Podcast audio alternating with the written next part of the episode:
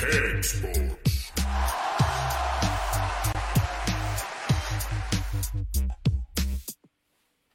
Yes, mine damer og herrer, hjertelig velkommen til eh, nok en eh, helt fantastisk episode av Cakesports Live. Vi har faktisk kommet til eh, Allerede kommet til episode 14, som har fått tittelen 'Football Leaks skjulte skatter'. Og vi skal jo da Det vil si jo s- seg sjøl at vi skal prate om eh, Football Leagues. Det har vært veldig mye spennende som har skjedd de siste uka, og det har vært veldig mye avsløringer hver eneste dag der.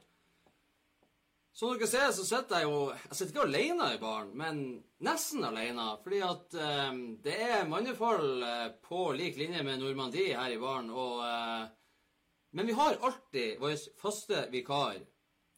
For at uh, når vi trenger folk, så ringer vi eh, Manpower, og da uh, får vi en engelskmann fra Manchester i blå utgave. David Gaskill, hjertelig velkommen nok en gang. Takk skal du ha. Du har alltid klart å være i baren. Du er veldig glad i å være i baren. Ikke bare generelt, men spesielt her. Ja, den fineste bar jeg har sett i I hvert fall I hvert fall siden siste gang jeg var her. Det er veldig godt sagt. Det er alltid en fornøyelse å ha David eh, med i baren. Og eh, dere som ser på der ute, ser jo at eh, fortsatt eh, Bodø-Glimt som henger på dukka. Det er selvfølgelig ikke, det er ikke konkurranse denne gangen heller.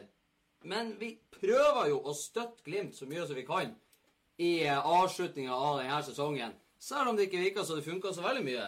Fikk jo da 1-1 borte mot Lillestrøm. Det er jo mer enn man eh, kunne ønske Eller tør å drømme om. Så derfor så har vi pynta den med en eh, liten eh, krone på toppen. Bare for å gjøre drakten litt mer eksklusiv. Vi må si eh, at vi er på Spotify. Hvis dere ikke har muligheten til å se sendinga vår, gå inn på Spotify. Det er jo helt fantastisk å være såpass internasjonal at eh, vi har muligheten til det. Og eh, ikke glem å kommentere underveis i sendinga. Kom med spørsmål, kom med innspill, kom med meninger. Si at vi er dust, si at vi er flinke. Hva som helst. Det er artig at eh, folk deltar i det vi gjør. Nå er det jo sånn at eh, undertegnede har vært på eh, businesstur, skal vi kalle det for det, i Nederland i helga som var. Og eh, David, du, har du vært i Nederland? Du har jo egentlig vært over hele Europa og sett City. Ja, ikke det siste, men uh, det er vel min Det er vel vår ferie hvert år. Uh, Preseason, treningskamper. Du har jo fortalt meg en gang en historie om noen Ajax-supportere, mener jeg det var, som holdt på å ta livet av deg, eller hva Ja. det var for noe. Du Men kan det- jo gjenfortelle. Nei, det, det gikk bare bra. Det gikk bare bra. Vi satt ut fra en pub i, i Amsterdam, og så vi hørte denne lyd. Vi var ti stykker som satt i en pub og drakk Heineken. Veldig god øl, forresten. Og så det, vet, en lyd som kom nærmere og nærmere, og nærmere, og så plutselig eh, kom en gjeng rundt hjørnet. Det var en Ajax-gjeng. Veldig mange. Vi tenkte, hva kan man gjøre nå? Vi sitter her, sikkert deres pub. Så gikk de forbi, og kommer de tilbake. Vi tenkte, nå får vi det, nå får vi det. Men heldigvis, vi fikk den samtalen bort fra fotball til øl, og hvor spennende eh, Amsterdam var som en by, og hvor mange muligheter man har i Amsterdam, og dere er heldige. dere. Og så plutselig glemte de de skulle gi juling. Så gikk vi litt videre, glemte det igjen, og tror de glemte de skulle banke oss i tillegg. Det gikk veldig bra, faktisk. Men reis rundt litt i Europa, det ble fabelaktig. Suverent. Ja. Jeg merker sjøl. Jeg var jo både i Nederland og Tyskland eh, siden det er så nært. Kjørte litt frem og tilbake. Og det jeg sitter igjen med, det som på en måte slår meg litt, eller slo meg da jeg satt spesielt i Tyskland, var at Liksom Se for deg et scenario hvor du, du kommer til stadion, du kommer kjørende, og du parkerer rett utenfor stadion. Det er gratis parkering. Det er sol, det er skyfri himmel. Klokka er ett eller to på dagen. ikke sant? Det er lyse dagen. Det er lov til å drikke øl utenfor stadion. Det er lov til å drikke øl inne på stadion. Folk er i et helt fantastisk humør. Jeg er nesten rød her. Ja, ikke sant? Det er ingen som er sur, det er ingen som er negativ. Alle gleder seg. De står og, og spiser bratwurst og, eh, og kringler. Ikke sant? Hva som helst. Og det er, du er inne på stadion, supporterne står og synger, Det var jo eh, det var ikke halvfullt, var så Duisburg i, eh, på neste øverste nivå i eh, Tyskland. Det var ikke halvfullt. Og det var ei stemning som jeg aldri har lagt, altså, hørt maken til. Eh, og jeg har vært eh, faktisk eh, på veldig mange forskjellige stadioner i England, blant annet. Men stemninga som var der, var helt utrolig. Og de fleste som var her, var faktisk jeg skulle si 50 pluss. Så man skulle tro at man var litt så smålei da. Men allikevel, det var helt suverent å være til stede på det. Så tenk kontrastene som er når du skal se på fotballkamp i Norge. Da er det mørkt.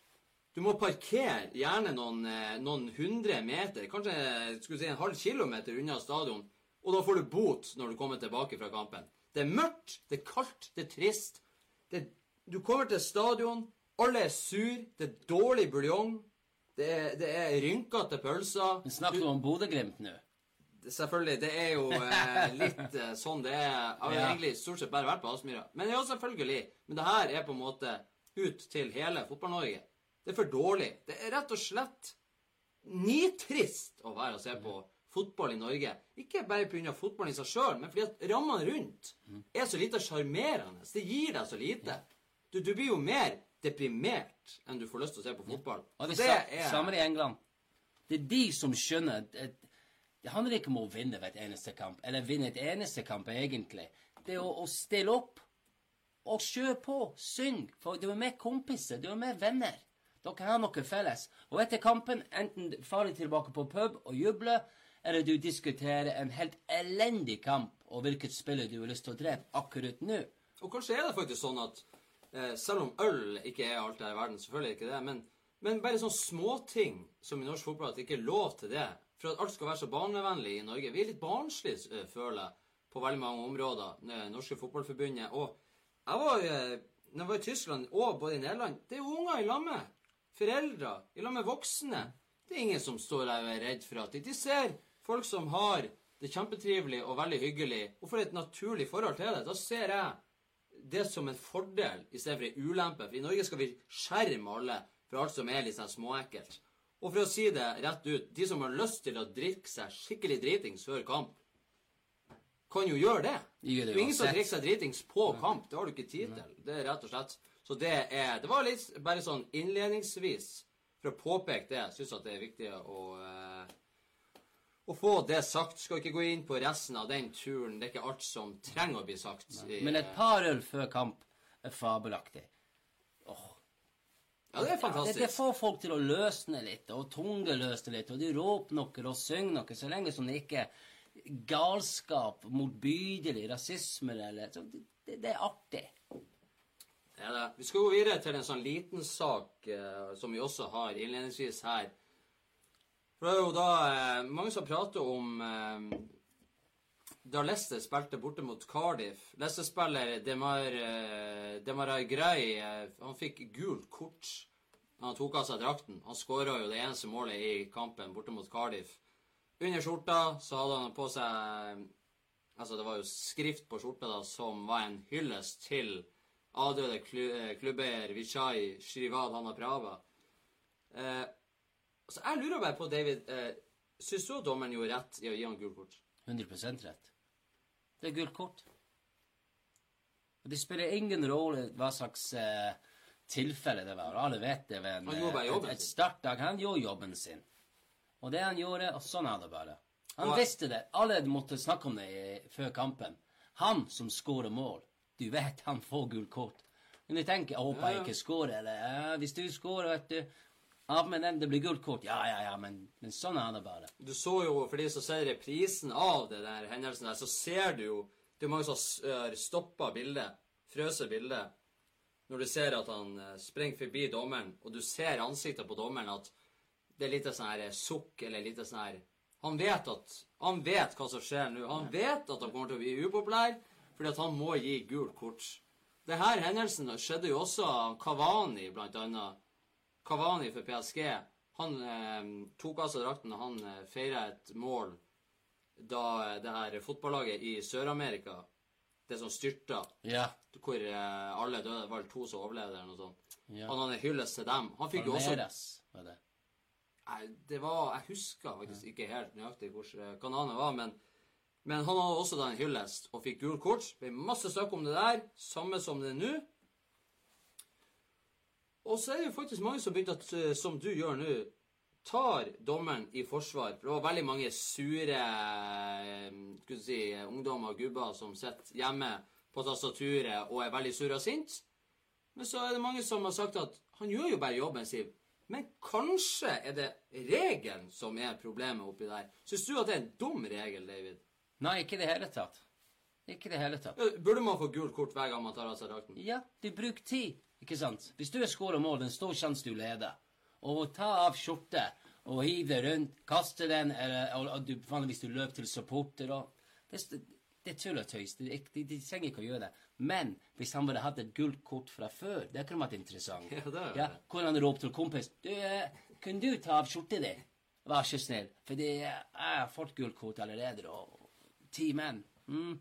Veldig godt poeng. Jeg har jo også tenkt at eh, det er mange som mener at man kanskje eh, burde bruke litt skjønn, litt sunn fornuft. At dommeren burde tenke at, at eh, Vanligvis er det gult kort, men ikke denne gangen. Men samtidig, for de som vil ha bort denne eh, regelen om man ikke kan ta av seg drakten for at Noen sier jo de som bruker ekstra lang tid, kan jo bare gi gult kort, mens de som ikke gjør det, trenger du ikke å gjøre det. Men da blir det veldig sånn her eh, Da blir jo reglene veldig flytende. At du skal skal ja. bruke skjønn og sunn fornuft. Så da blir det ikke. Så derfor må man ha konkrete regler uansett. Du må. Du må i fotball. Du må ha konkrete regler. Hvis, ikke, hvis han gjorde det, hvorfor kan jeg ikke gjøre det? Jeg tror ikke han gjorde Jeg tror ikke dommeren ga han gult kort for at han hata avdøde Vishai Shrivadana Braba. Jeg tror ikke Jeg tror ikke han gjorde det. Han gjorde bare jobben sin. Og du ser hjertesukket hans når han Ja. gjør det.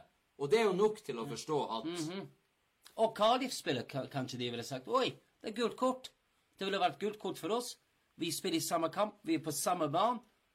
Vi fant hjemmelag, forresten. Så det må være gult kort for han. Sånn er det bare. Det er gult kort.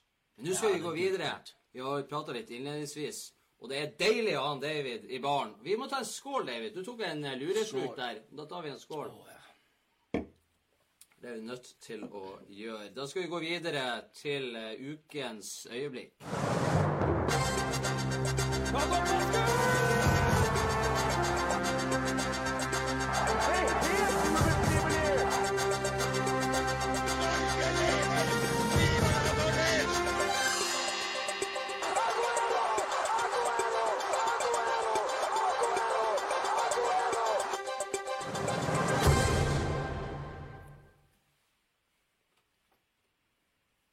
stemning i baren. Uh, Sitter her eh, alene sammen med David i dag, faktisk. Eh, men vi er ikke tyst for det. Vi koser oss i hverandre sitt selskap.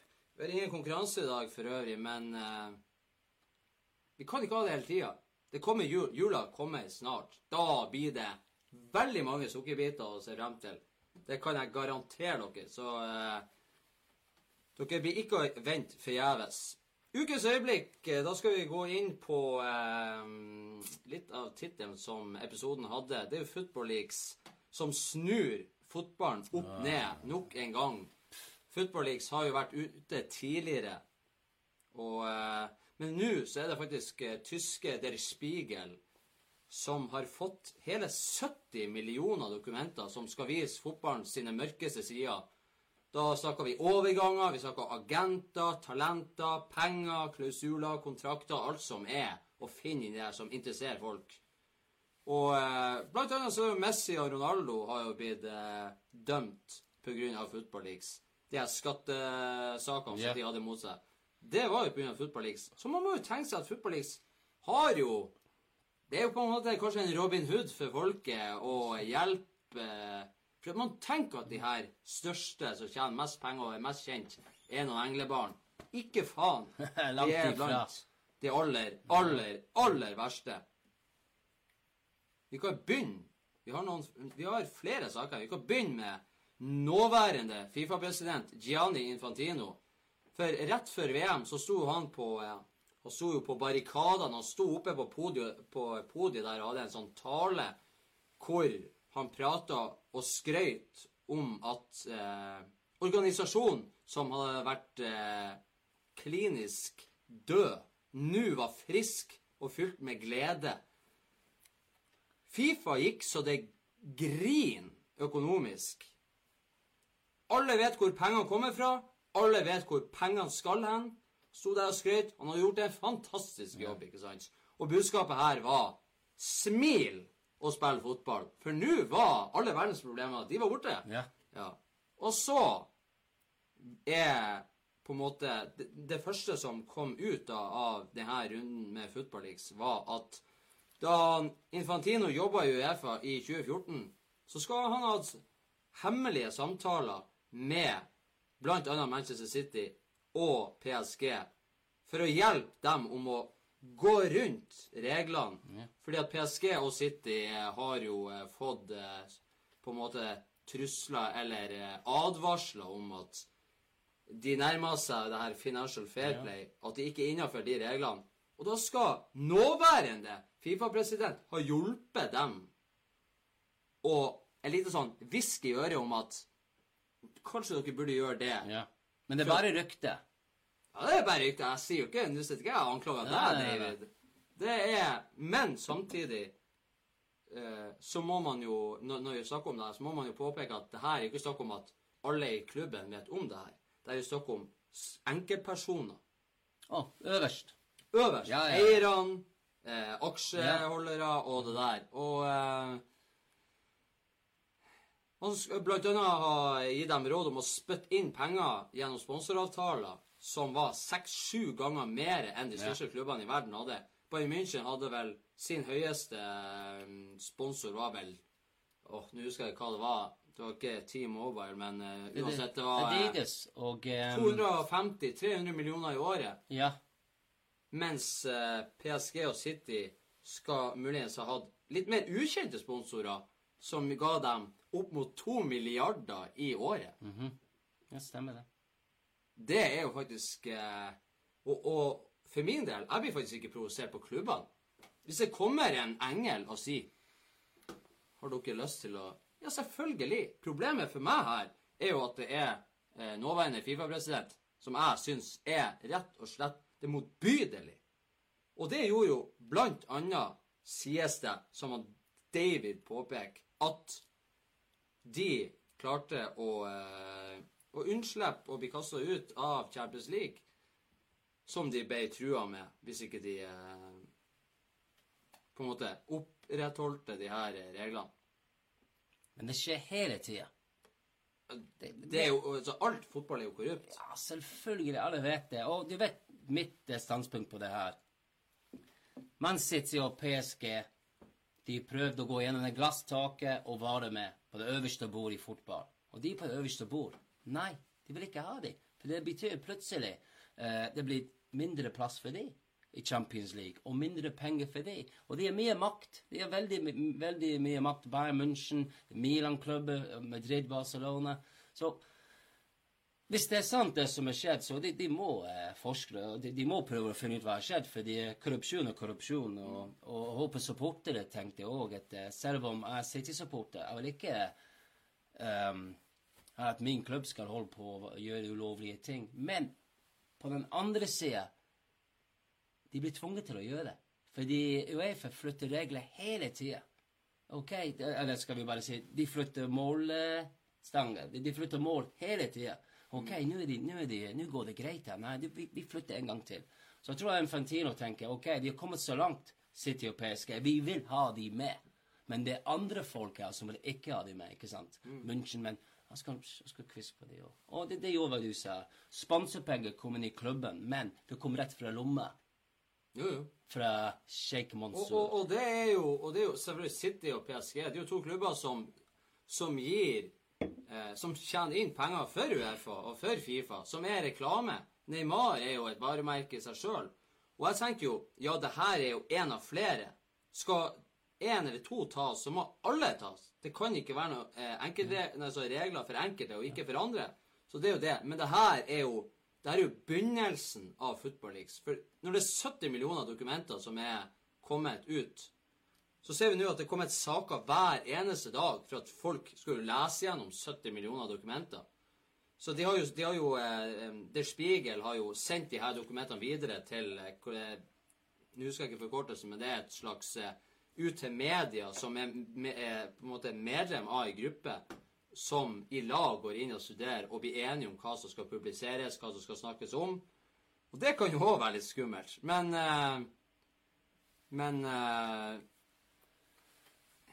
det er jo faktisk eh, det, sies jo òg at da en ansatt i det her Financial Fair Play-systemet plutselig døde, så skal en City-ansatt ha skrevet en mail som sa én har falt, nå er det bare seks igjen. Og det er jo litt sånn her Men selvfølgelig, det kan jo være alt for alt du vet. Det kan jo være eh, vaskedama Ja. på Etihad. Ja, ja, ja. ja. Så det er jo Det blir jo selvfølgelig litt uh... Å være så dum å sende en sånn mail hvis det er sant, forresten. Men det kan gå tilbake til uh, når, United, når The Glazers kjøpte United, ikke sant? Og United-supporter de sa vet du hva, nei, vi er ikke med, her er skammelig. De kom inn på Man United som er ingen gjeld. Det går fantastisk fint der. Kanskje det største fotballklubbet i verden i den tida. Så de stiftet sin egen klubb, FC United basert på sosialisme og, og Ja, de, de, skal jobbe i lag. Fordi de vil ikke ha at Glacier skal komme i United. Fordi de skal bare uh, bygge opp navnet, eller de har, de har navnet, de skal ta ut penger. Investere litt, litt og ta ut penger. De har gjort det i USA. Så, så er det verre? Hva er det? Det som har skjedd i PSG City, eller det som De Glaciers gjorde i United? For United nå har, kanskje jeg tar feil, er det tre milliarder i gjeld. Og The Glaciers betaler ned det er mer, Jeg tror de har fem. ja, ja, tenk på det. Og de bare betaler ned rente på den der. Ja? Så om 20 år eller 30 år, de må betale ned den der. De må gjøre det. Banker kommer til å si hei. Hvis det gikk på en smell igjen nå, banker, så United kan være ferdig. Det kan vi diskutere senere. og Det kan vært artig hvis du spør meg. Du, det er sånn- Men oh, det, Men, men jeg tenker jo, jeg tenker jo, det er jo veldig synd hvis det skal være sånn at enkeltpersoner skal ødelegge for alle andre. Er det som kan skje oppi her. La oss sette ting på spissen, og så sier vi at City og PSG blir stengt ute fra Champions League i fem år. Fordi at én eller Ja. to har gjort det her, og så går det utover trener, spillere, supportere, alle ansatte i klubben. Selvfølgelig. Og så går det ned. Men jeg tror selvfølgelig ikke det blir å skje. For som sagt, de her klubbene, de bidrar jo med penger. Skaper interesse. Jepp. Så, og, og eh, spiller fin fotball. Pluss, jeg tipper de har jævlig gode advokater i tillegg. Jeg tipper de har det beste advokatet i verden. Så Uefa eller Fifa, de vet uff, Hvis vi tar de her i rettssak, og vi har ikke nok bevis Med to, tre, fire, fem år. Og hvis vi taper tror du han Infantino som eh, eh, ga han uh, Stirling tips om eh, å, sparke i bakken og gå over ende. Ja, Man kan jo ikke unngå å gå over ende når du sparker i bakken, men at du faktisk får straffe, er jo Jeg syns det er mer imponerende at dommer klarer å dømme straffe der, enn at han Stirling klarer det. Men Stirling eh, I enkelte perioder i en fotballkamp det ser ut som han er helt talentløs. Han kan gjøre sånne ting.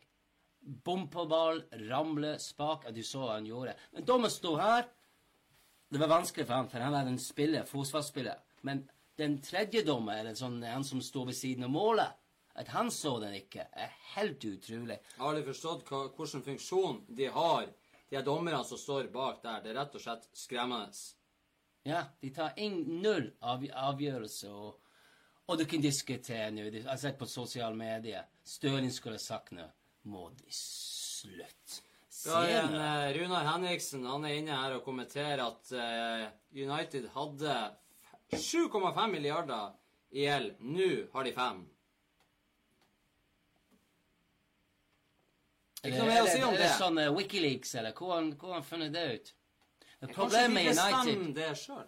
Ja, kanskje det. Men vi skal, nå, skal vi, nå skal vi gå bort ifra City. Vi skal fortsette litt med PSG. For det er flere saker som eh, I hvert fall én sak til som vi ønsker å ta eh, med videre fra Football Leaks. For at i dag så kom det ut at interne dokumenter viser at PSG PSG fra 2013 og frem til våren nå i 2018 skal ha bedt speiderne sine om å bedømme spillerne ut ifra ferdigheter og potensialet, sånn som alle andre gjør. Ja, ja, ja. Men de skal også ha blitt fortalt om at de måtte ta utgangspunkt i hvilken hudfarge de hadde. Og da begynner vi å bevege oss litt inn på noe som er enda verre enn penger. Da er vi inne på det vi kaller for eh, rasisme, og eh, en av grunnene til at de skal eh, ha måttet vurdere hudfargen deres, var fordi at klubben ønska å begrense antall mørkhuda spillere i uh, sitt uh, talentakademi. David, du sitter og holder uh, til ansiktet. Det er nesten så du ikke tror at det går an. Vet du hva? Det går ikke an. Jeg tror det her er det største tull noensinne. Du var til Paris. Det, det, det, det er ikke et med multikulturell byen i, i Europa. Det går ikke an. Og hvis PSG holder på med sånn Nei, de har ikke gjort det. Men hvis de holder på med sånn, og de mister support fra den befolkning, fra den folk i eh, PSG som er ikke kvitt. da er de ferdig, nesten ferdig. Vi skal komme til bunns i det her i løpet eller? skal komme til bunns i det, men vi skal ta det litt stegvis. Fordi at eh, et skjema som klubben brukte eh, da de eh, fikk speiderne til å være og studere de her talentene, så måtte de fylle ut bl.a. ferdigheter, eh, teknikk, fart, fotballintelligens, målteft. Det er jo sånne ting som er helt vanlig. Samtidig så måtte det fylles ut opprinnelse hvor de kommer ifra. Da hadde de fire svaralternativer. Da hadde de fransk, nordafrikansk, vestindisk og svart Afrika. Altså Black Africa. Og det er jo sånn at du må jo Det er nesten så du tror at du drømmer. Drøm er mareritt, ikke en drøm. Altså, Han sitter jo og smiler, men det er jo faktisk ikke blant det artig. Det er jo jo, faktisk for at jeg, det er jo sjokkerende. Jeg skjønner at du smiler fordi det her er sånn comedy gold. Det går ikke an at det har skjedd. Ja, og oppi det her så er det faktisk folk som har reagert på at det står fransk. Det var det som folk har reagert på. Og en speider som har vært med på det, her, skal ha uttalt at det burde ha stått hvit. Ja. Spesielt siden klubben kun hadde anbefalt franske talenter. Oh, Jesus. Hvis Frankrike hadde bare hvite fotballspillere, de ville aldri vunnet en skit. Samme som England. Eller ikke at England har vunnet nå, ikke sant? Men, men England nå, Frankrike Kom igjen. De er ikke hvite eller svart. De er engelsk, de er fransk. Det er tull og tøys. PSG ville ikke signere afrikanske spillere av den enkle grunn av at de kunne aldri være sikre på om alderen deres var den alderen som ble oppgitt. De stolte ikke på det. Sånn som man har sett tidligere i andre idretter. ikke sant? At det er at Hvis du sier at jeg er 20 år, egentlig så er du dame, og så er du 17. ikke sant? Du vet at de har eh, at det har vært sånn som det er. Men du er inne på noe for at du tror ikke at det kan være sant. Og du har litt rett i det, fordi at det hevdes at dette har vært en skjult praksis i PSG som ledelsen ikke har vært klar over. Det er noen enkeltpersoner i akademiet som har styrt, som har hatt ansvaret for å være ute og speide. Ja. Ja. Jeg visste ikke at Donald Trump jobber der, men eh, Den var ikke L dum, Trump. David. Den var ikke dum. Den tenkte, tenkte ikke jeg på engang.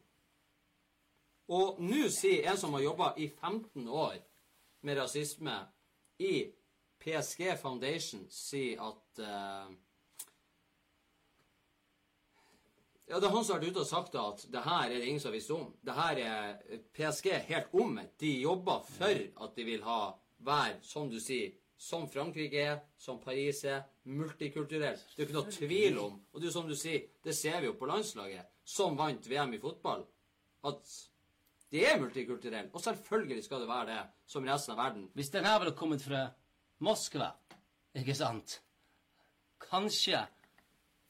Da hadde du ikke vært eh, veldig overraska.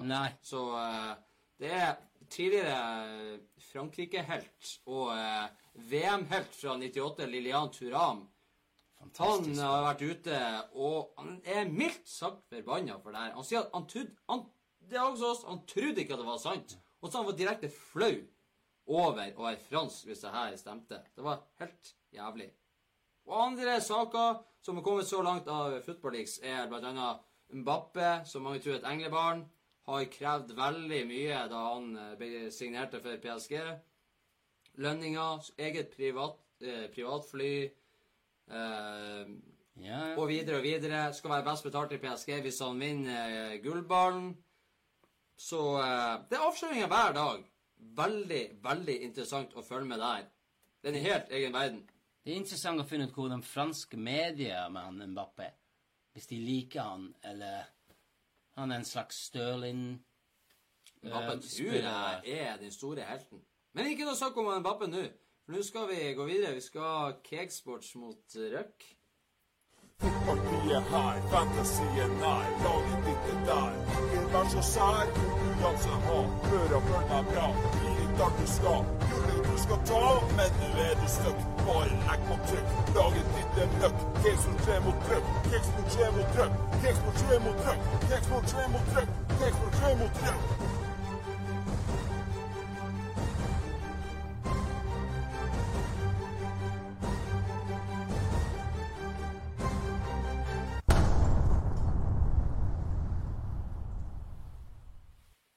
David, du kan jo ta opp pokalen. Jeg ser at du sitter og gnir på den. Ja. Det er ikke ei, ei magisk lampe. Ikke langt unna, men Jeg skal bare gjøre en liten sånn Vincent Company uh... Ja. tar den, ja. Etter sesongen, er det det du mener? ja. Ser du lys på sesongen nå? Du var litt skeptisk før sesongen. Nå har jo Liverpool snubla. Jeg tror Liverpool har Nå tar jeg det veldig sånn på rappen, men jeg tror de har tre seire på de siste ni kampene. I alle turneringer. Ansalas hva- Hvert eneste skudd i fjor gikk i mål. De, de kan ikke fortsette. Og, og det gjør ikke nå, så Nei, jeg har ganske mye tro at City skal være I hvert fall Vi skal ikke rykke ned. Er? Man City skal være i Premier League neste år. Hvis ikke FA Og ut. nå ser jeg jo faktisk at uh, City er øverst på alle odds-lister til å vinne Champions League. Ser du det? Jeg sa jo faktisk eh, lenge før sesongen starta at jeg tror City er der i år. Og så sier Bayern München er dårlig. Real Madrid eh, ja, de har vært dårlige. Juventus er dårlig. Du så hvem de tapte mot. Ikke sant? Så eh, det er dårlige greier. Det er en sjanse for City, og City er jo eh, nok en gang i storform. Cakesports mot Røk. Fantasy football. David kan ingenting om fantasy football, Nei. så da skal vi ta det her ganske raskt og konkret. For den runden som var nå, så så vi i Cakesports at vi var ganske utsatt i forhold til de spillerne som vi hadde. Vi tok sjansen allikevel. Vi var litt late. Vi hadde ikke tid til å holde laget. Og selvfølgelig gikk ikke det bra. For eh, vi sto til slutt igjen med pinlige 40 poeng. Det var helt jævlig om jeg Unnskyld at jeg sier det, men det var faktisk det. Vi datt ti plasser ned på lista, og nå er vi på en 56.-plass. Det er jo helt grusomt. Det er flaut. Det er nesten ikke verdig eh, for meg å sitte i baren engang. Ja, da Lacassette skåra ett mål mot Liverpool. Wilson skåra. David Silva skåra også. Endelig. Hazard hadde i hvert fall en assist som eh, vår kaptein. Så eh, jeg syns det er litt sånn eh, kjedelig Personlig, personlig syns jeg det er litt kjedelig at det er de samme spillerne som gjør det bra hver runde. Selvfølgelig noen gjør jo det hver runde, men det er litt sånn her Det er som når du tipper på oddsen.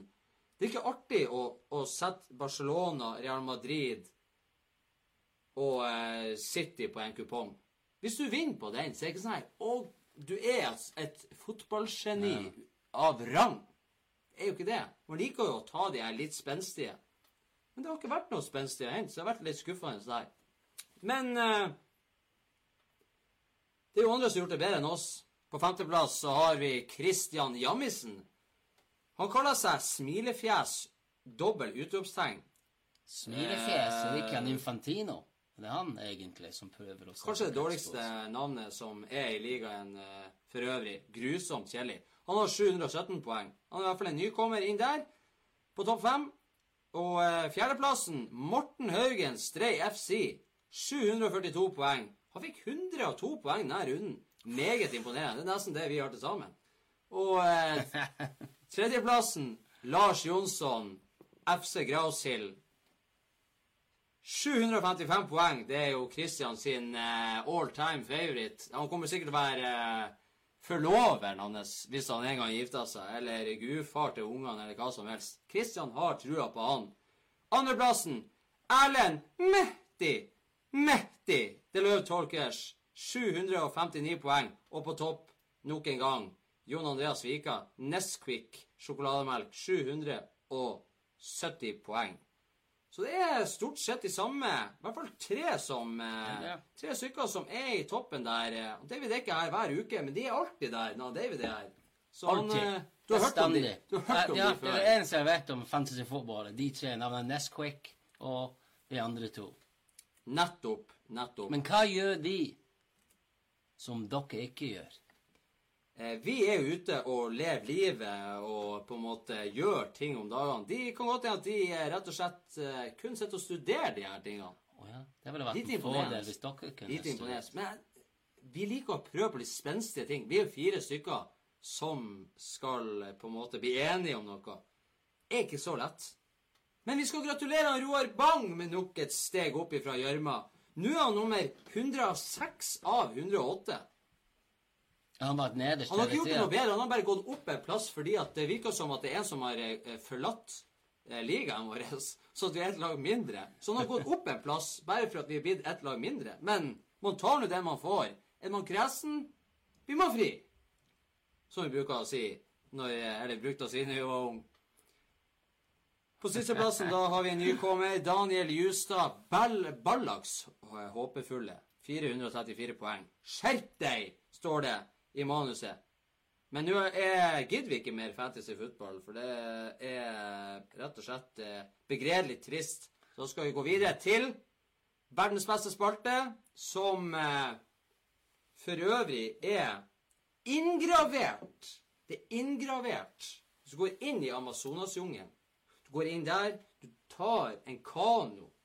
Sånn, Du tar en kano, en sånn trestamme, så du huler ut. Drar du ned gjennom elva der, kommer til en foss. Detter du ned fossen, går du inn i grotta igjennom fossen der med en fakkel. Og da bare lyser det opp på veggen der. Å ja, sier du det? Å ja, Sier du det? det hadde du ikke trodd, nei. Det er det sykeste jeg har hørt. Å ja, sier du det? Er jo faktisk eh, Kanskje det jeg er mest stolt av her i livet personlig. Eh, at man faktisk eh, klarte å komme opp med noe så unikt og fantastisk. er for meg uforståelig. Men det er ikke alt vi skal skjønne her i livet. Nei. Og Vi, vi eh, kan jo ta en skål, David, når verdens beste spalte begynner. Skål. Vi skal begynne med en liten sånn uh, artig greier. For at uh, Angola de har vunnet noe som heter Amputee Football World Cup 2018 i Mexico. Angola møtte Tyrkia i finalen og vant til slutt 5-4 etter en dramatisk straffesparkkonkurranse. Jeg har faktisk gått inn på YouTube og sett denne kampen. Det er ikke elvebane. Det er en slags håndballbane på gress. Det er sånn sjuermål. Og så var det noen som spurte meg Gjelder det amputering av hva som helst på kroppen? Ikke hodet. Nei, ikke hodet. Jo, man skulle nesten tro det av og til, men det var jo selvfølgelig Alle mangler en fot, bortsett fra keeperne. De hadde to føtter. Og da begynte jeg Hei, hva er det her for noe? Kanskje det Men jeg så at uh, de mangla ei hånd. Så eh, Ja, det er en da går det på en måte opp i opp. Ja. Når det var straffesparkkonkurranse, så så det egentlig ut som han ene hadde handa si under drakten. Bare at han hadde den nedi der. Så jeg er ikke helt sikker på hvordan det der eh, Vi må var. stole på det. Tror de det er bedre enn Mares å ta straffespark, for å si det sånn. De hadde på krykka, så de sto på krykka sånn. Og så tok de tilfart, og så måtte de slenge seg frem. Også de skli, sklitakla ballen i mål. En teknikk de har lært seg. Fantastisk. Ja, det, det Angola eh, ble jo faktisk De tapte finalen forrige VM. Så man kan jo trygt si at uh, de har fått en fot innafor uh, blant de beste. Ikke det den er, Du tok den! Ikke bare det. Det var jo Jeg så jo uh, På engelsk, da, så var det flere som hadde kommentert det her. Um, eh, wasn't there a second leg? Oh. ah. Så det er, det er flere godbiter å ta der. Det er artig. Det er ikke artig, men jo, selvfølgelig er det artig. Det er mm, Men eh, til neste sak igjen.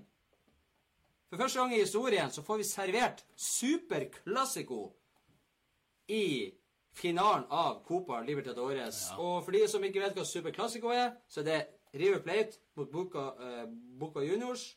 Og Copa Libertadores er jo det som er Champions League i Sør-Amerika. Eh, jeg bare lurer på hvor mange antall døde vi har etter de to oppgjørene. Fordi at eh, tilfeldigvis så er det her det siste året hvor at finalen skal spilles over to kamper. Så det skal spilles både Altså River Plate skal spille hjemme, og Boca Juniors skal spille hjemme. Og fordi, Hvis dere ikke har fått med dere, eller sett noen klipp eller noen dokumentarer om hvordan eh, Super Classico er, så kan man jo bare kan jo si så mye som at han eh, Gary Lineker ble invitert av Maradona på VIP-plass til Super Classico for eh, en sesong eller to siden, og sto der. Og han sa at han torde nesten ikke å stå der. Han hadde lyst til å gå inn og stå bak vinduet og se på, for han var livredd. De skulle ikke filme kamp, de skulle filme tribune. Det som foregår der. De er gale. De er ikke bare gale, de er farlige. Ja, de er farlige. Du det var eh, bare supporterne De er jo som mafia, på en måte. De her eh, supportergjengene der de er. Og bare for å stille opp til intervjuer, så skal de ha flere titusen eh, Ja. av kroner. Og du må ta kontakt med advokaten deres Ja. For at du i det hele tatt skal kunne få tak i billetter eller hva som helst. De har veldig, veldig mye makt i klubben òg, fordi de er redde. De eh, øverste i klubben er redde. Kanskje det hadde vært bra i, eh, i Europa hvis de høyeste i en klubb ja, var redd supportere. Kanskje ting ville blitt litt bedre. Men når de ser hva som foregår der borte, kanskje ikke. Men ditt spørsmål hvor mange kommer, kommer til å dø, jeg har sagt i hvert fall én. Det kommer sikkert ikke til å stå i, i norsk media, for i, i Norge så bryr vi oss ikke om sånne ting. Vi er mer opptatt av Donald Trump. Og eh, PSG de har vunnet alle sine tolv første ligakamper denne sesongen. Det er den beste starten en klubb har hatt i en av Europas fem største ligaer noensinne. Er du overrasket over det, David? Nei. Nei. Jeg tenker, har de ikke klart det før? De må være bra dårlige hvis de ikke klarte det før. i Frankrike. Men de var jo lite imponerende mot Napoli, syns jeg personlig. Nå i Champions League. Napoli imponerte meg som et kollektiv. Eh, PSG, Cavani på benken. Det var rett og slett få ballen frem til Neymar og Mbappe, som er egentlig mest opptatt av å legge seg ned. Neymar igjen. Vet du hva, jeg er ikke så hissig som det han handler om Neymar. Jeg pleier å tenke, Han er talent, jeg kan se på god fotball, men etter den kampen i andre omgang jeg hadde lyst til å Jeg, jeg kunne klart han. Åh, Kan man spille til fløyta går? Det er det som gjør Messi god. Det er det som gjør Messi eh, bedre i mange tilfeller enn Ronaldo også. Han spiller til fløyta går. Han spiller at han blir sparka ned så mye at han klarer ikke å røyse seg opp. Neymar gikk forbi to menn. En av de var så vidt borte, men han var forbi. Han var på vei mot feltet. Ja, med tre eh, medspillere med seg. Han datt, ikke ned. Han snudde seg og begynte å kjefte opp dommer. Det skulle vært et rødt kort. Og akkurat det er det som har vært litt problemet med Ronaldo også. Det er at du fokuserer på at det er viktigere at jeg klarer å gå forbi deg. Ha-ha. Jeg er bedre enn deg. Du måtte ta meg. Enn å faktisk bare gå videre. Han skulle vise at han måtte ta igjen fordi han er altfor god. Men snakk om altfor god. Andre omgang, Napoli. Pff, For et lag. Det er fantastisk. Skal vi hilse, Fantastisk. skal vi hilse på han eh, Milan Pavkov? Han jobba deltid som elektriker og deltid i faren sin kiosk. Han ble kjøpt til Røde Stjerne for 3000 pund, som blir ca. 30 000 norske kroner. På fridagen hans så gikk han like godt og skåra to mål på en keeper som kosta 700 millioner. David, verden er ikke stor når man opplever sånne ting. Nei, ikke i det hele tatt. Fanta jeg visste ikke det, men et suverent å høre det. Han knuste van Dijk for det første mål. Jeg vet det er Liverpool-supportere der som kanskje er uenige, men de burde ikke være uenige. De kan ikke være uenige, for Nei. han gjorde jo det. Ja, han gjorde det. Så Han van Dijk var litt distrahert. Han så, også han sto og prata med en mann ved sida og skyldte litt på han. Ja, Men, ikke klar. Han tima det rett, gikk Ja. Mhm. opp der. To mål. og Han gjorde ingenting resten av kampen. Men det er jo en eh, fantastisk Det er det som er deilig med fotballen når sånne ting skjer. Jeg tenker å jobbe i en kiosk i Selebye. Det er et hardt liv. Det er ikke bare bare, ikke sant. Så jeg har lært mye sånn triks og være Og litt som kraftig elektriker. der. Jeg tror, og jeg, elektriker. tror ikke alle, jeg tror ikke alle sikringsskapene der er etter en ny oppskrift. for Du si må det ta sånn. sjans hver dag. Du tar livet ditt i egen hende hver dag hvis du er elektriker i Selebye, tipper jeg. Det er fantastisk. Hvor mye koster han? Han var jo 3000 pund. elektrisk mot Liverpool. Åh. Igjen der, David. Du var god. Igjen Du var god. eh, Skål, god Du var god i kveld. er helt på topp i kveld her i baren. Skal vi gå over til noe, andre, noe annet sjokkerende? AS Monaco, David. Oh. Tapte 0-4 hjemme mot Klubb Brygge. Ja, men det er ikke Av alle lag. Er. Det er ikke en overraskelse. Det er det verste resultatet som Monaco har opplevd i ei europeisk turnering. Thierry Henry, han har vel hatt hva det er, seks kamper eller noe sånt. Tre tap og tre uavgjort, eller Ja. to uavgjort og fire tap, et eller annet noe sånt der. Så det er noen som begynner å lure på kommer han til å komme tilbake til Sky Sports fortere enn det han Gary Neville gjorde når han var i Valencia. Ja. Uten tvil. Og han eh, Neville vant flere kamper enn han òg. Men Napoli hadde tapt. De vunnet én kamp i de siste ti før han tok jobben sin. Ikke? Monaco, Ja. ja. Unnskyld, ja. eh, Mon- Mon- Monaco. De hadde solgt de beste spillere og Mm. Ja. Jeg tror de er 15 kamper nå uten seier. Så Sier du det? Det visste jeg ikke. Men at han sa ja til en jobb Men Hvor mye erfaring har han? Assistenttrener i, i Belgia? Er det noe mer er har gjort? fotballspiller og eh, Ja, står i kjeften på TV. Men kom igjen. For, for meg personlig, jeg syns at det er litt artig å se eh, sånne her eh, pundits. Gary Neville, nå Thierry Henry, eh, som sitter og, og sier at trenere, managere, spillere, de må gjøre sånn, de må si sånn og være sånn og fokusere på sånn. Når de får sjans Og når de sjøl får sjansen, så ser du at det er kanskje ikke så enkelt som det du tror det er. For du er alene om å ta Det er du som må ta den siste avgjørelsen. Og selvfølgelig, i dette tilfellet, han eh, Begge to tok jo over et, eh, et synkende skip, og Monaco gjør jo dårlig. Samtidig, Monaco har masse marginer imot seg, og skader, det skal sies, men allikevel 4-0 hjemme mot Klubb Brygge. Ja. Monaco vant Ligue 1 for Neste to kamp, sesonger siden. neste kamp Mon uh, Monaco, PSG. Så det blir en annen, en, en tiltak. Men et, et Henri, Henri Thierry Henri Han tror han skulle komme inn på Monaco, gamle spillere og er her, nå blir det en eventyr. Mareritt. Og det skjer ganske ofte. Fordi han har null erfaring. Fantastisk fotballspiller. Han- Null erfaring. Skal Ja, herregud. Kunne du tenke alle de dyktige franske trenere med mye erfaring og utdannelse innen fotball? Ja. Kanskje Du skulle begynne å følge PSG sin uh, talentakademiutvikling. Mm. Kanskje det hadde hjulpet. Kanskje Samaleda skal få jobben der. Kanskje det. Når vi prater om han Gary Neville, så har uh, Man United eh, De skal vurdere å uh, ha litt uh, mer detaljerte samtaler med han Gary Neville og han Ryan Giggs med tanke på å låne deres hotell som kalles hut, Nei, Hotel Football.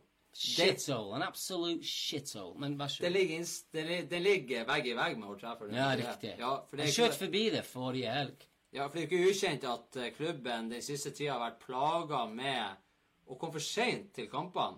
For at de eh, står fast i trafikken fra spillerhotellet og til Old Trafford. Manchester er et mareritt forresten akkurat nå ved trafikk. Det må være den verste by i, Europa. Hva som er grunnen til det? Hvorfor nå? Nei, fordi de, de prøver å eh, Det er mye reparasjon på veien, rett og slett. I dårlig stand, de må reparere, og det er altfor mange biler. Har du bodd eh, på eh, Hotel Football? Det nærmeste jeg har vært til Rotterdam Football, var på vei tilbake til flyplassen forrige man, eh, mandag, og vi kjørte forbi, og drosjesjåfør, som er United-supporter, sa Og han visste jeg var City-supporter. David, hvis du får sjansen Hør her, det det er helt utrolig. Du må bo der. Det er et fantastisk hotell. Det jeg sa til han, jeg kan ikke si nå, men eh, han skjønte at det, det var en dårlig idé. Charlie Wayne, hvis du ser på Keg Sports, hva holder du på med? Hva holder du på med? Og hva holder dere på med, alle dere som sitter og ser på Cakesports? Jo, dere ser på det beste fotballprogrammet, i, i hvert fall i Norges land. Vi trenger ikke å si verden enda, men Vi vi, kommer dit. Vi kommer dit. Vi tar Skandinavia i hvert fall. Ok, vi tar Skandinavia. Da er han David sier Skandinavia. Vi er overalt. Vi prøver i hvert fall å være det. Vi er live på Facebook. Vi er på Spotify. Vi kan være egentlig der dere ønsker at vi skal være. Vi er på Twitter, selvfølgelig. Følg oss på Twitter når vi har eh, overgangsvinduer, og eh, da er vi best i bransjen. Vi tror at vi bare sitter her og skrøner. Er Bestilles til julebord. Bestilles til julebord. Det kan vi også gjøre. Bestilles til julebord, arrangere hva som helst. Vi er ganske dyktige, selv om vi er litt flåsete og sjølgode. Det er lov til å skryte litt av seg sjøl av og til. Og eh, en som har grunn til å skryte av seg sjøl, Maurizio Sarri, manageren til Chelsea. Han er ubeseira i sine elleve første ligakamper i eh, Ja, i Premier League, da, selvfølgelig. Og dermed så utligner han Frank Clarks sin eh, rekord for antall ubeseira kamper på rad av en ny manager i Premier League. Han eh, Clark så var vel i 94, da han eh, Er det Nottingham Forest vi prater om Ja. da? Ja, det må være, for han var City-trener etterpå. Nå Han var det. 97, 98, Ja, han var var det rundt der. ja, og det gikk ikke så Slutten av 90-tallet i hvert fall, Ja. mener jeg. Én eller to sesonger. Det gikk ikke bra. Det gikk ikke bra. Frank Clark var helt elendig. Men han kunne spille gitar. Kanskje til Han kunne spille gitar. Ja, det er det han sa. Jeg er flink til å spille gitar. Det er bra å kunne spille gitar. Det er mange som eh, møter meg og ikke kjenner meg, så sier de 'Ivar, du ser ut som en som er veldig god på gitar'. Jeg skulle ønske jeg var det, men jeg er veldig god på uh, Guitar Hero på PlayStation. Det kan jeg Det var jeg sånn spansk klassisk gitar når jeg ser på det, faktisk. Ja, det er, Av og til så bruker jeg hatt, så det har kanskje litt med det å gjøre. En annen uh, kommende helt da, i City, Laporte, han har fortsatt til gode å tape en kamp for City i Premier League. Og du sier det før de spiller mot United på, på søndag. Ja, det er jo ikke med. Det er ikke sikkert han blir spille. Kan han bli skada, eller kan Han ta står fast i trafikken. Ja, får håpe det. Han har vært så god. Wow. Han har vært Han alt- Han har vært han er- veldig mye på venstresida. Jeg Ja. tenkte han skulle være mer sentral. Nei, men Nå spiller han sentralt, men han er mye på venstresida, for han må hjelpe Mendy hele tida. Han er venstrebeint òg. Han er overvurdert, ja. Eh, han er venstrebeint. Han har en pasningsfot. Og når vi, han kom, de så han hadde en pasningsfot. Men det som jeg ikke visste, at han var beinhard. Han er her. Småstygg. Vi liker han. Men må være småstygg. Være midtstopper. Ja. Han er ganske stor. Ja, han er litt sånn, han ser ut som han er litt Han ser ut som en sånn der soldat som du har i Die Hard. ja. Og Sånn der litt sånn 23 år. action man. Ja. Han ser fin i, veldig fin ut i en dress. Ja, ja, han er stor. Ja, det er sant. Han er litt beina, og det liker vi i Premier League. 23 år. Skal vi ta den siste i uh, Å ja, sier du det? Og da skal vi til City igjen. Det var litt tilfeldig, for det var ikke meningen at du skulle være her. Men Du ser på jakken min og tenker nå må komme ja, ja, det er ikke for å få deg til å smile ekstra, selv om jeg liker det. For at uh, Sergio Aguero han er den niende spilleren i historien til å nå 150 mål i Premier League. Han skårer 150 mål på 217 kamper. Det er jo faktisk så imponerende at eh, jeg har bare latt være å ta på meg hatt, sånn at jeg slipper å eh, på en måte ta av meg hatten. Ja, men hva kan man si om Sergio Aguero? Eller Sergio Aguero! Det er den som, Som står til til evig tid. Oh. For øvrig, resten av gjengen som har skåra 150 mål i Premier League, kan jo ramse, ramse opp de. Det er jo eh, selvfølgelig Wayne Rooney, Frank Lampard, Thierry Henry, Robbie Fowler, Jermaine Defoe, Alan Shearer, Andy Cole og Michael Owen. Så eh, det er jo celebert selskap. Ja, ja, ja. Absolutt er det det. Vi ser at eh, folket er med der ute. Vi liker det, selv om det er én som ser på. Så er vi fornøyd. Er det null, så hadde vi sittet her uansett. Og det er faktisk ikke tull engang. Nei, det er For vi sitter her oftere enn det dere tror. Det er ikke alltid vi går live. Av det så sitter vi her bare for å kose oss alene.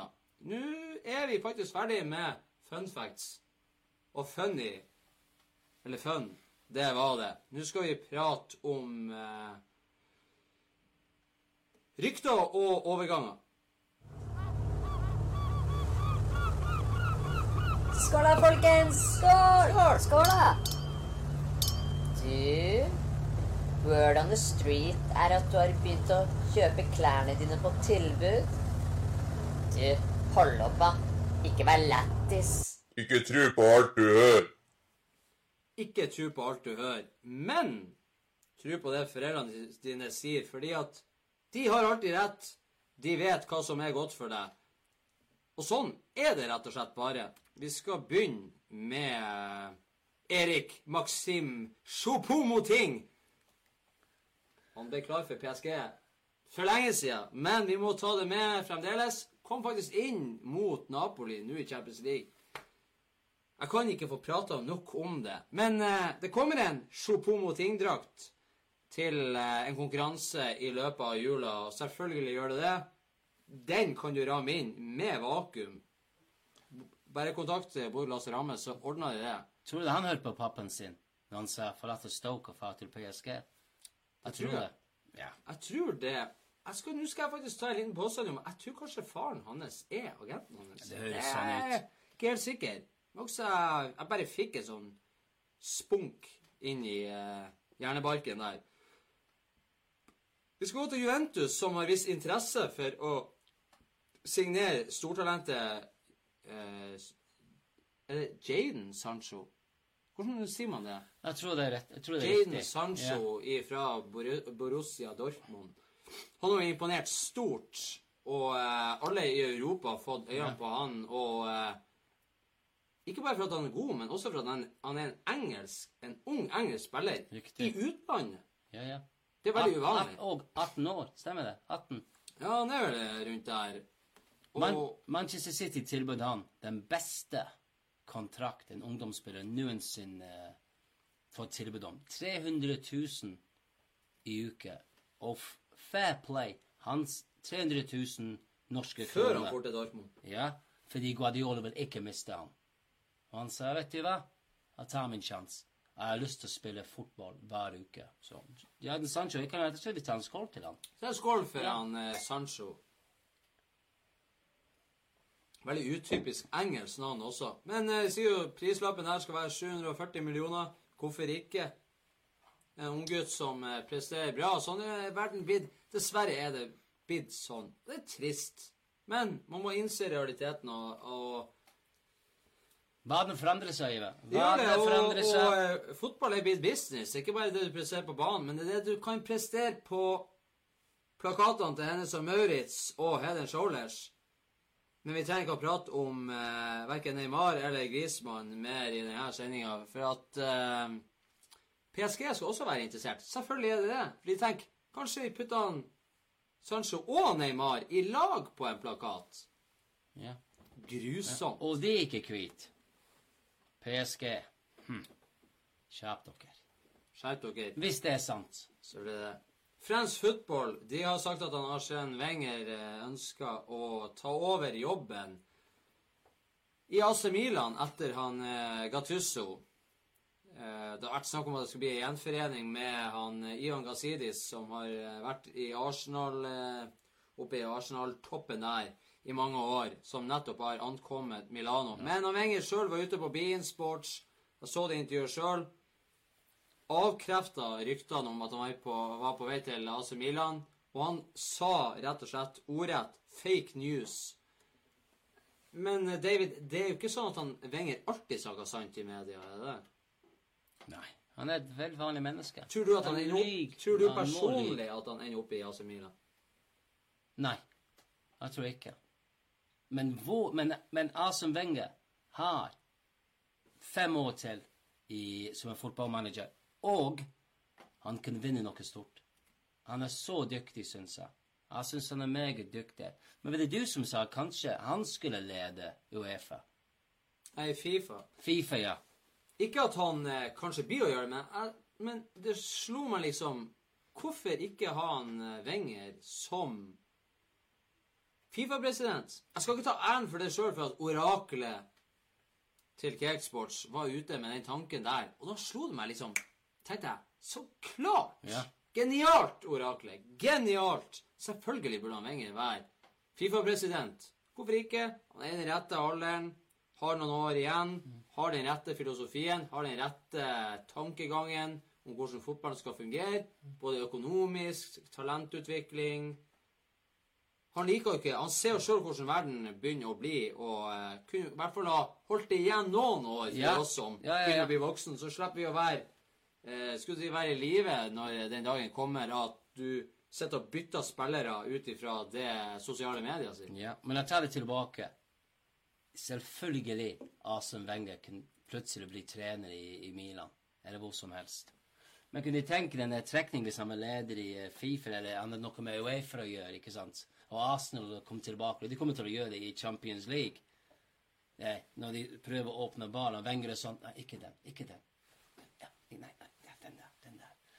Arsenal Ja, no, nei, nei. Hartlepool. det kunne vært artig. Kunne vært artig. Men Asen Wenger, vi liker han. Vi liker han. Ja, vi liker Asen Wenger. En annen spiller som er blitt likt før i tida, i hvert fall. eh, Da skal vi prate om han eh, Rafael van der Fart. Husker du han? Akkurat nå? Nei, jeg har Rafael glemt van der Fart. Spiller i Tottenham, Ja, spiller i selvfølgelig. eh, nederlandsk eh, legende. Han har valgt å legge sko Han har valgt å legge skoen eh, på hylla. Han legger opp med umiddelbar virkning. Eh, han har jo eh, Han fikk seg jo en, en, eh, en kjæreste som spiller håndball i Danmark. Han for til, til Midtjylland. Og så har han nå vært i Esbjerg. Og så fikk han en skade som han ikke klarte å komme tilbake fra. Og alt jeg kan si, er vi takker, vi takker for gode minner, rett og slett. 171 mål på 534 kamper ble han stående igjen med. Han er ikke så god.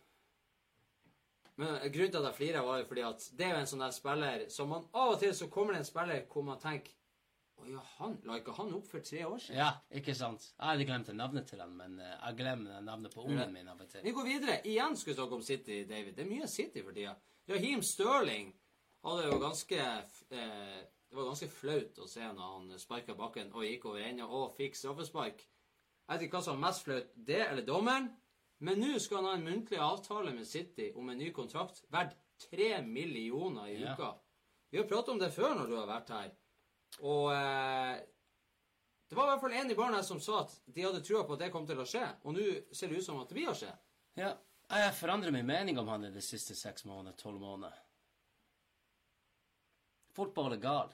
Det er mye penger til gå til lønn nå, og Ram Stølen, som er tre, 23 år, har absolutt en 300 Jeg, kommer- jeg, tenkte jeg ville aldri sagt det i den neste setning. Jeg skal kommer faktisk- til å si det. Han er en 300 000 pund fotballspiller. Ja, jeg, skal faktisk eh, Jeg skal faktisk eh, føre videre på den meninga der, for at eh, Vi har jo pratet om tidligere det her med at eh, England gjorde det jo ganske bra i VM, selv om det var dårlig motstand. Det er mange som mener at det her home ground-regelen som eh, kom opp i England for noen år siden, det er at du må ha spillere antall spillere i laget som eh, er oppfostra og trent i England da, fra yeah. de var unge, at det er grunnen til at landslaget begynner å gjøre det bedre. For da er det flere og flere, ikke bare de små klubbene, men de store klubbene også, som er nødt til å bruke unge engelske talenter, sånn at de får komme seg opp, ikke sant? Så har du Stirling, som er, etter min mening, og det prater vi også om under VM, jeg mente Stirling er det største urokråka for motstanderen på det engelske landslaget. Det han er ei veps som skaper ubalanse, han skaper uro for, eh, for motstanderlaget. Og selvfølgelig, nå er det jo blitt sånn, og og når du har den home ground-regelen, så kan jo spillerne begynne å presse opp prisen og si hei, jeg kan dra hvor som helst. Dere er nødt til å ha de beste. Skal du være best, så må du ha de beste engelske spillerne. Så har du mange av de beste engelske spillerne er i Tottenham, de er i Liverpool, de er City, og de er United. Ja. Og så er det en, en klubb som Arsenal. Siden det er en ny femårskontrakt, eller hva det var, med han, han eh, Chambers. Og mange sier 'hæ? Hva i alle dager?' Men Arsenal har ikke eh, så mange engelske landslagsspillere Hvor kommer Holdin ifra? Hmm? Holdin. Han er også engelsk. Men poenget er at de har Hvis du har de beste engelske spillerne, så blir de å øke i verdi. Da må du Uansett hvordan de presterer eller ikke presterer, så må du betale de beste engelske spillerne enda mer. Premier League er den mest eh, pengesterke klubben Nei, eh, pengesterke ligaen Ja. i verden. Og sånn er bare utviklingen blitt. Man kan spy av det. Selvfølgelig, man brekker seg litt av og til, men det er bare blitt sånn. Og eh, selvfølgelig Stirling, hvordan han presterer. Ja, han kan bomme på åpent mål fem ganger. Seks, sju, åtte, ni ganger i løpet av en sesong. Men allikevel, han har mange gode kamper. I løpet av en sesong, en kamp. En kamp. Skårer mange viktige mål. Men så kan du sette det i perspektiv. Neymar, 7 millioner i uka. Du kan si eh, Alexis Sanchez. Sanchez, 4,5 millioner i uka. Mesut Özil, 3,5 millioner i, Ja. i uka. Så at du da skal være en av de viktigste spillerne offensivt for et lag som er blant de aller beste i Europa, som vant Premier League i fjor, Ja. som jeg tror blir å vinne Premier League i år, som jeg tror blir å vinne Champions League i år, så er, hvorfor skulle han ikke gjøre det? Og han er jo fortsatt i en ung alder, så det Og er kanskje den beste engelskspiller akkurat nå. Er det, eh, hvis noen syns jeg tror det er bedre engelsk fotballspiller Hvis jeg angrepsspiller akkurat nå. Jeg har ikke sett han. Raheem Stirling Jeg vet ikke hvis det er Guardiola Det, det er ikke bare Guardiola. Han har hjulpet han. Sterling eh, noe, en, en sånn forandret i hodet til han. Han har forandret et eller annet. Mentalitet. Og akkurat nå han er, Jeg var der eh, forrige helg. Han var helt utrolig.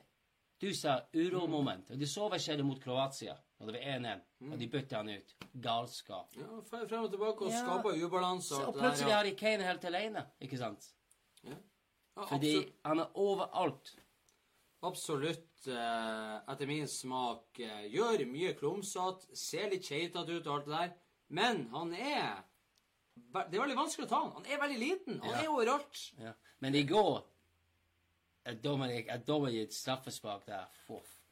Det var veldig artig, David. Det var veldig Jo, det var, det var veldig artig.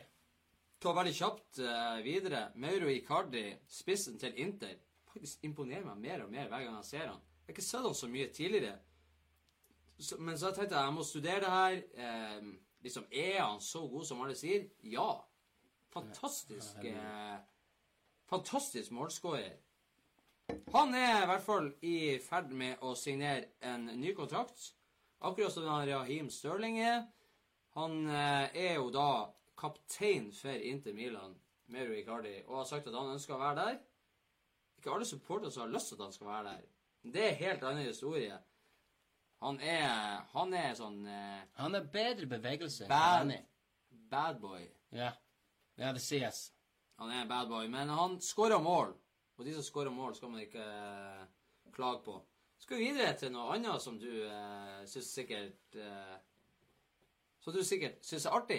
FA de har bekrefta at Wayne Rooney skal spille sin landskap nummer 120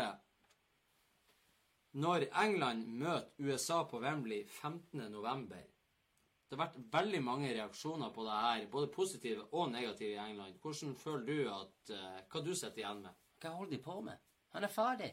Han har sagt 'jeg er ferdig', ha det bra, kos dere, jeg skal dra til USA. Det er livet mitt nå. Ja. Og ei, ei, hva tenker USA? Ei, det kommer en klovn på banen nå og sjonglerer. Ikke sant? Men Kanskje det er det Men at USA eh, stiller opp med et lag. Spillerne til USA vil ha autografen hans? Tro hvor mange spillere på USA som har lyst på drakten hans etterpå. Ingen. Nei, USA er har ingen lyst vil stille opp med et lag og spille mot det beste engelske lag for å se hvor langt de har kommet. Og hva gjør England? Kom igjen, Hvem skal spille i mål? David Seaman? Nei, hvem, hvem, skal svare andre spiss? Gary Lineker? Nei, det er fullstendig feil.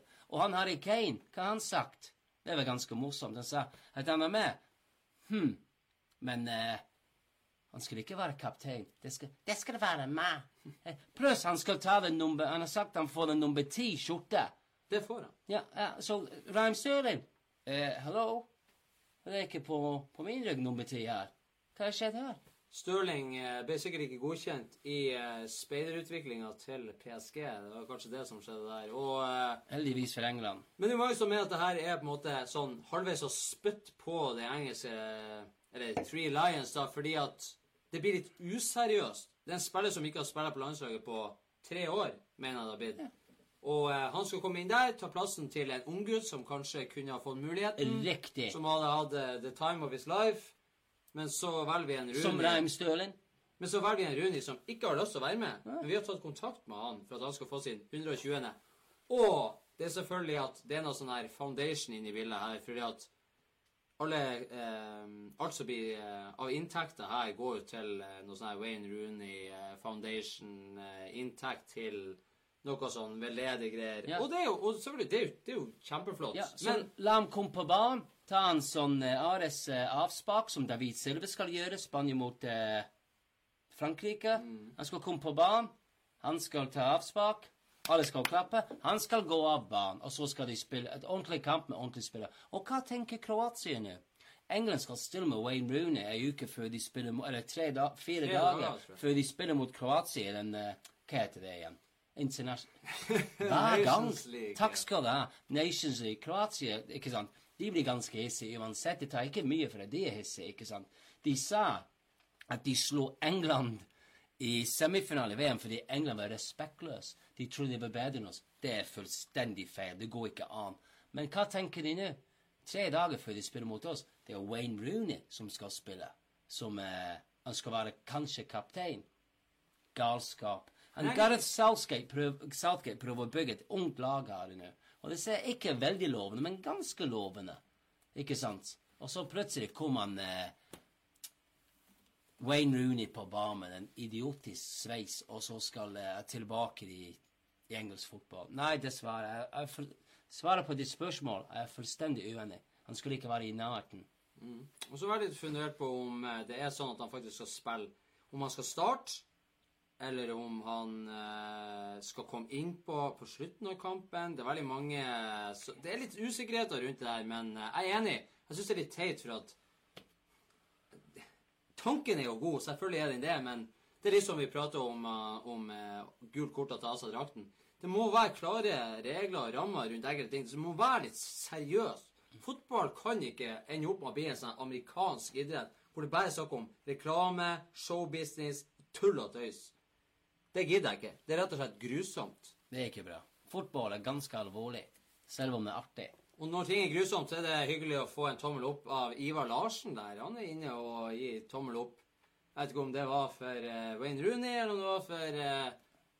Bare mot en, til en annen Ivar. Rett og slett. Navnebror, det er Det, det er et soleklart tommel opp.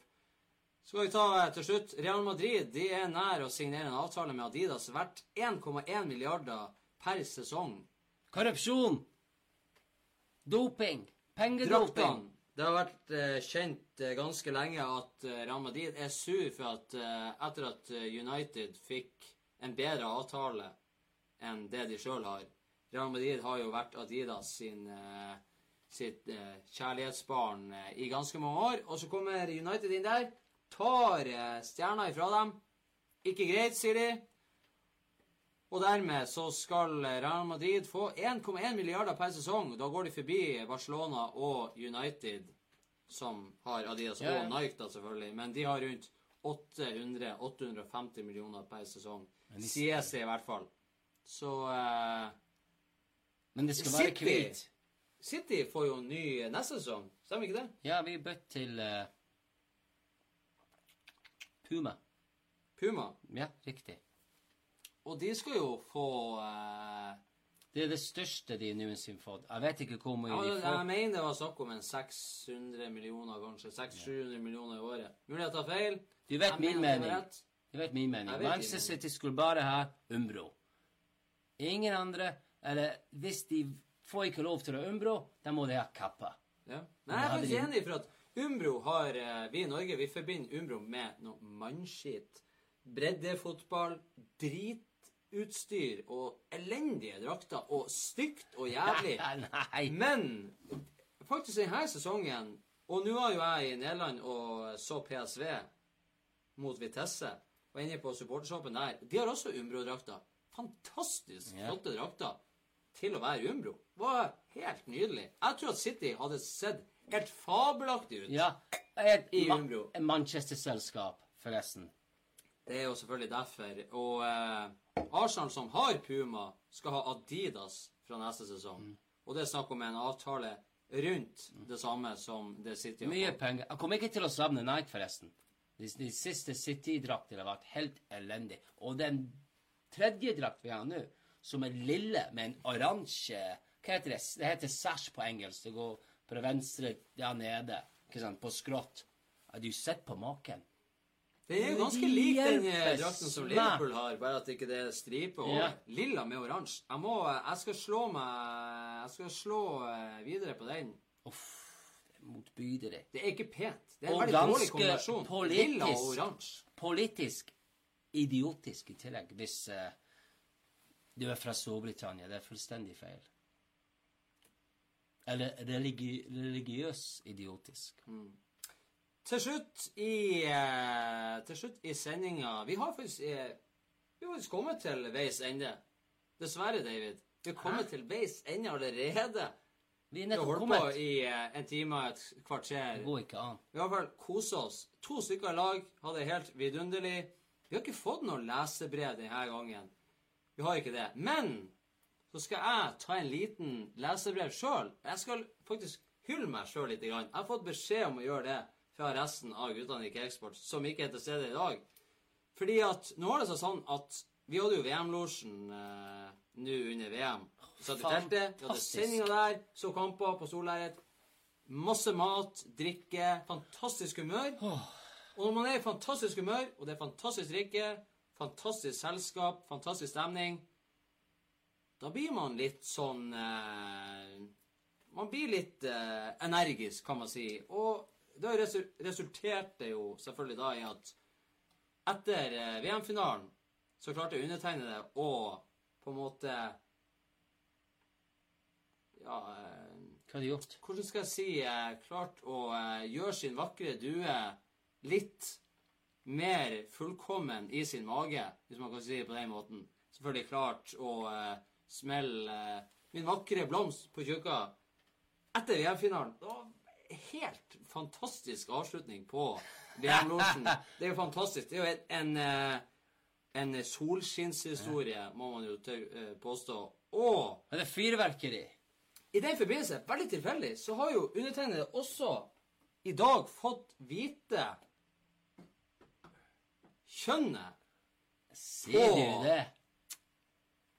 Den eh, lille legenden som da er fra VM-losjen. Så jeg tenkte jeg skulle ta en liten salutt her og nå, direkte, for å avsløre for omverdenen Alle satt der og tenkte Blir det en uh, Blir det en uh, Maradona, eller blir det en Marta? Ikke sant? Ja. Og da skal vi se hva resultatet ble, og da er det faktisk Maradona. Fint. En Maradona! lyseblå. Eller Vi sier Messi. Ja, vi kan ikke si Messi. Eh, Maradona Guerrero. har jeg ikke så mye til overs for. Jeg håper det, han blir et bedre menneske enn han Maradona. Det må jeg jo tørre påstå. Så eh, ikke alle dere der ute gratulerer samtidig, men eh, la det komme sånn eh, jevnt flytende. Veldig hyggelig. En legende som blir å leve videre for alltid. Både for meg, for VM-losjen, for oss i baren. Et tegn på hvor fantastisk cakesports kan være for samfunnet der ute. Så følg oss videre. Det er en stor sjanse hvis City fortsetter å vinne. Han her gutten skal heie på et lyseblå lag. Og det blir ikke Napoli, og det blir ikke Argentina. Kanskje vi skal gjøre det. Da skal vi ta en siste skål. Skål. Det har vært fabelaktig å være her. Og med det så sier vi som alltid, følg oss på Spotify. Følg oss på eh, Facebook, Twitter. Følg oss hjem hvis dere vil. Følg med oss uansett. Det er helt fantastisk at dere er med. Vi er samfunnsplage. Kommer alltid til å gjøre det. Vi er en sykdom. Takk for oss, og adjø.